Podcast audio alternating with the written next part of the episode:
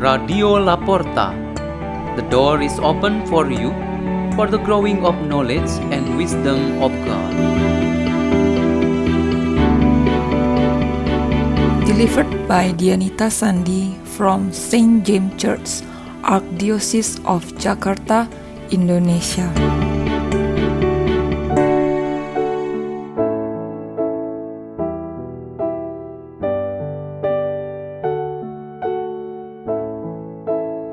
Reading and meditations on the Word of God on Saturday of the 32nd week in Ordinary Time, November 12, 2022.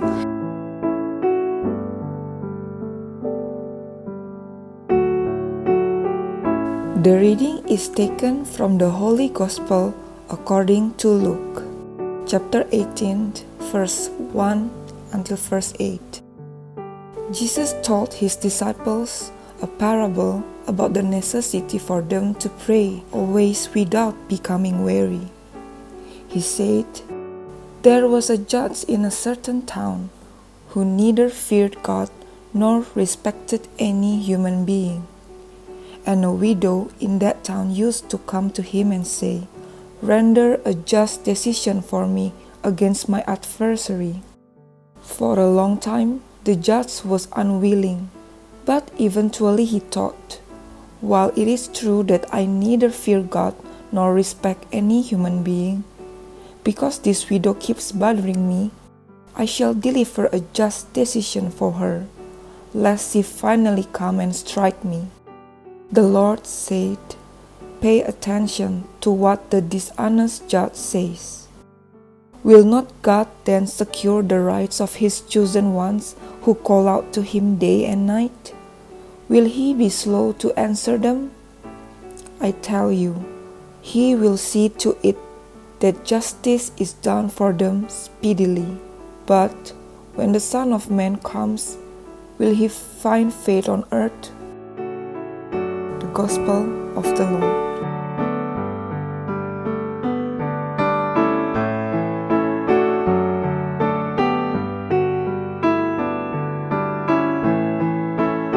The theme for our meditation today is God acts quickly and on time. There was a meeting between two extremes of human situations of life which can teach us something meaningful. There was a great and powerful judge who was also rich, arrogant, and very influential. He just enjoyed his life that was full of comforts.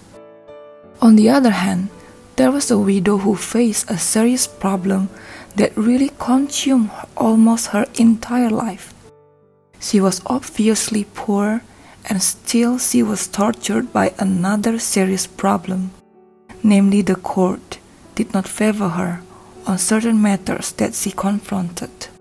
She fell down to a deeper ravine.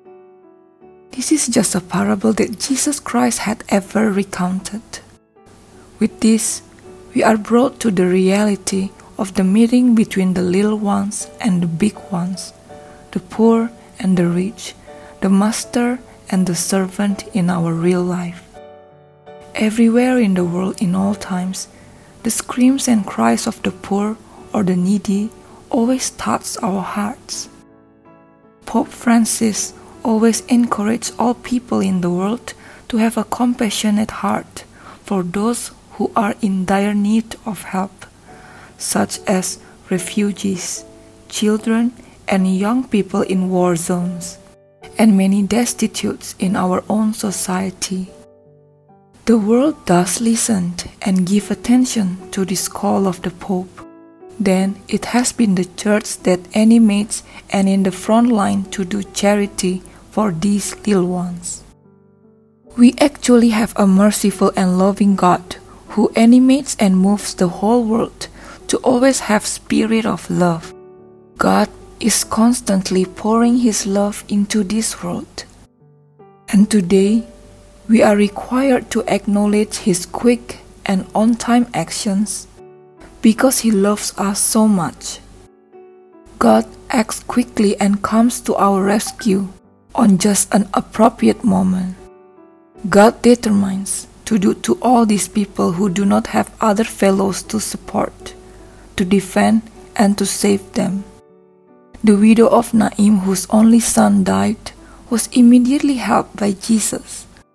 The lame man at the Bethesda pool had no one to help him lift into the pool when the water moved, and Jesus immediately came to his rescue. These are examples of God who acts quickly and on time. Many of us have experienced miracles of various contexts and different impacts to our lives. Some people may feel that they have not received any help from the Lord. For this reason, they begin to make their own negative views about God. Some are patient enough and have big hopes that the right time will come in favor of them. Some have given up hope and prayer because they have been waiting for a long time. Then they became passive and apathetic. There are even those who, in distress, pour their anger at God because their desires or interests have long been unanswered. The most probable consolations we can pick up from when some of us encounter this situation is that we rely on the belief that the right time is not yet coming. We can advise one another that the help of God can still come through the helping hands of our neighbors. God is using the people around us, brothers, sisters, or friends to help us. Our social interaction can many times be a great help for us, and God is indeed present in this context. Let's pray in the name of the Father, and of the Son, and of the Holy Spirit. Amen. O Lord, we really hope for the salvations of our brothers and sisters who are more needy and helpless. May they have your blessing and mercy. Glory to the Father, and to the Son, and to the Holy Spirit, as it was in the beginning, is now, and ever shall be, world without end. Amen. In the name of the Father, and of the Son, and of the Holy Spirit. Amen. Radio La Porta. The door is open for you.